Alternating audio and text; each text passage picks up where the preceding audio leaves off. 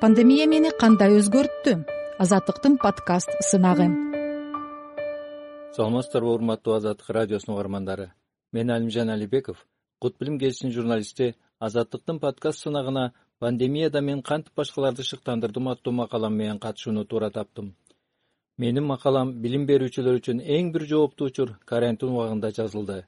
Мекен тарыхындагы оор кырдаалда билим берүү ишин жүргүзгөн мугалимдердин ак эмгеги азыр да менин көз алдымда турат. Мен ошондогу мугалимдердин эмгегин өткөн согуштагы дүйшөнкул чолпонбай атабыздын деги эле баардык согуш баатырларынын эрдигине теңейм. Ачык айтайын башында менде мугалимдер аралыктан окутууга даярбы деген кооптонуу бар болчу. Бирок бекер эле кабатыр болупмун. Агартуучулар арыдан бери жаңы шартка көнүп кетишти. Аралыктан окутуу мектептерде сегизинчи апрелден башталганы белгилүү бирок үчүнчү класстагы кызымдын класс жетекчиси салтанат болотбековна бул жооптуу ишти бир жума эрте баштады. Класстын ата энелери да сабактардын башталганы жакшы болбодубу балдарды эмне менен алек кылууну билбей жаттык эле дешип жаш педагогдун демилгесин жапырт колдоого алышты. Мен мугалим берген чыгармачыл иштерди аткарууда ата энелер активдүү катышып жатканын байкадым. Жөнөкөй мугалимдин коомдун өнүгүүсүнө кошкон мындай салымы тууралуу салтанат эжейдин саамалыгы деген аталыштагы макала жазып коюуну чечтим. Анан эмне болду дебейсизби окуучулар жана ата энелер ватсаптан эжейине жүрөктөн чыккан жылуу сөздөрүн арнашты. Өзү тууралуу учкай кабарга эжей да жетине албай эки эселенген күч менен балдарга аралыктан билим берип жатты. Мен болсо азыркыдай кыйын кырдаалда мугалимге жакшы сөз дем күч берэрин түшүндүм.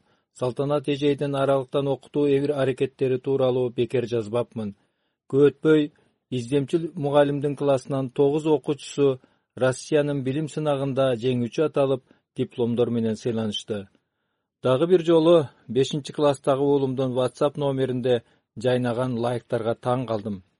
Ак тилек каалоолор кимге экенин сурасам уулум орус тилинен берген мугалимге арналганын эжеи жакында операция болуп ооруканадан чыкканын айтты. Бизге да сабак берген аябай сонун мугалим деди үчүнчү класстагы кызым муну укканда балдардын жүрөгүнөн түнөк тапкан мугалим аттуу макала жазып сайтка жайгаштырдым. Мугалимдин кубанганын айтпаңыз. Кубанганымдан ыйлап жатам. Доктурдун дарысынан да сиздердин жакшы сөзүңүздөр жогору болду деп жазыптыр мугалим. Сөздүн болгондо да жакшы сөздүн күчүн көрүңүз. Балдардын жүрөгүнөн түнөк тапкан жылдыз башкармаевна аз күндө оорусунан айыгып балдар менен кыздарга пушкин менен толстойдун тилин кайрадан үйрөтө баштады. Ушуга бир аз болсо да салым кошконума мен да кубанып турдум. Борбор азиянын чок ортосунан орун алган кыргызстанда он алтынчы марттан башталган карантин учурунда мындай жүрөк жылыткан окуялар менде көп болду. Ошол окуяларга таасирленип макала кабар жаңылыктарды арбын жаздым.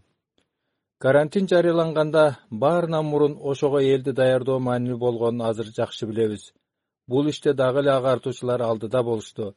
Алар эл журтка кайрылуу жасап ооруну ооздуктоо үчүн үйдө калуунун коомдук жерлерде бет кап тагуунун колду жууп туруунун маанисин түшүндүрүп жатышты.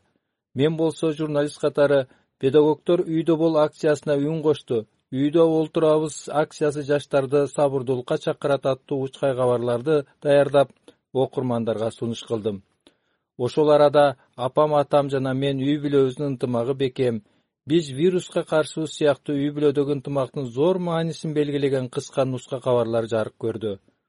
Бишкек шаарынан гүлүмкан асанкадырова кара суу районунан замира атакулова өңдүү алдыңкы педагогдор карантинде баланы китеп окууга тартууга зор маани беришти. Жогорудагы чыгармачыл мугалимдердин табылгасына таянып китеп окуу стрессти азайтат китеп илим тилсиз мугалим карантин учурунда китеп окуйбуз жана өнөрлүү жаш жеткинчектер тууралуу манас ааламына саякат деген аталыштагы кабарларды сайтка жайгаштырдым. Башка өлкөлөрдө кандай болгонун билбейм бирок пандемия кыргызстанда үч кесиптин баркын коомдогу ордун апачык көрсөттү. Мектеп окуучулары ата энелер өздөрүнүн видео кайрылууларында ак халатчан доктурларга тартип сакчыларына жана ошондой эле аралыктан билим берген мугалимдерге өз ыраазычылыгын билдиришкен эсимде. Мен эжей агайга таазим мекен жүгүн алган мугалимге таазим мугалимдин баркын эми билдик деген кабарларды жазууга жетиштим. Мурда балдардын тапшырмасын эрте кеч карап койчубуз мугалимдин эмгегин эми билдик көрсө ага эжейлердин эмгеги оор экен дейт акыркы макаламдын каарманы элмира дүйшенбиева аттуу эне. Албетте мыкты мугалимдин эмгеги байкалбай калбайт аракетчил мугалим миргүл мадышева өзү эмгектенген мектепке советтер союзунун баатыры дүйшөнкул шопоковдун музейин ачса элеттик соц педагог кенжегүл бектемирова социалдык жактан аз камсыз болгон төрт үй бүлөгө демөөрчүлөрдөн телевизор беш жүз окуучуга акысыз симкаларды алып берген. Ал эми балдар чыгармачылык үйүнүн току ийриминин мугалими токтокан чокоева турмуштун далай сыноолоруна карабай кыйналдым кысталдым дебестен заман агымына калбай эмгектенип келүүдө.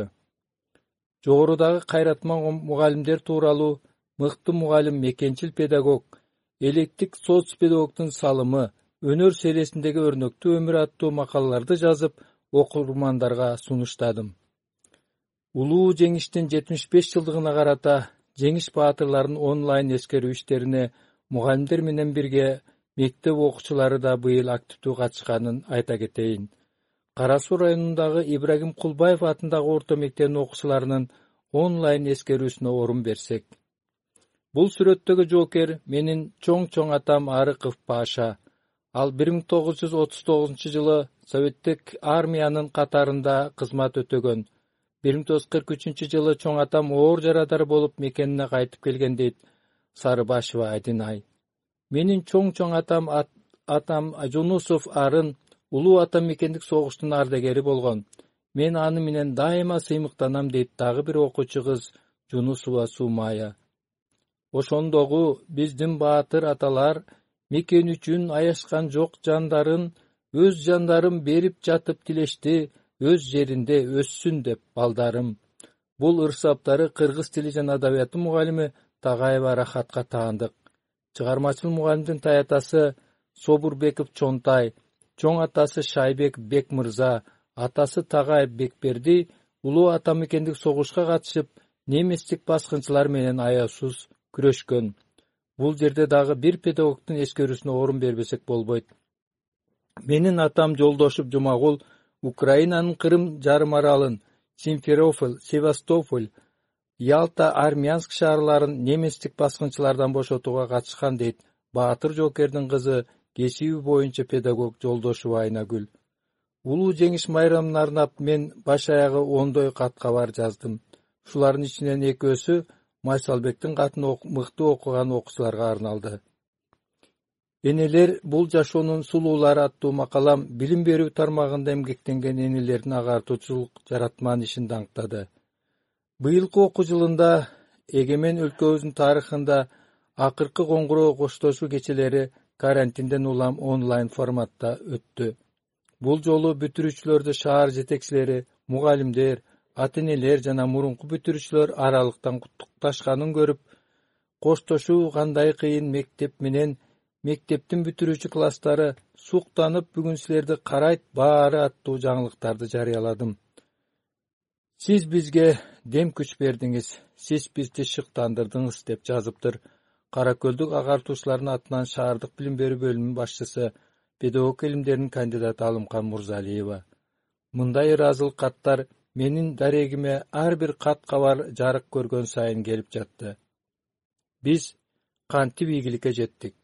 Январь айында санарип журналист стратегиясын кабыл алдык. Башкы редактордун планы ушундай болчу багытыбыз туура болгон үчүн карантин учурунда мугалимдерди колдоп кат кабар жазып үйдөн иштедик. Башкаларды өзгөрттүк өзүбүз да өзгөрдүк. Пандемия мени кандай өзгөрттү? Азаттыктын подкаст сынагы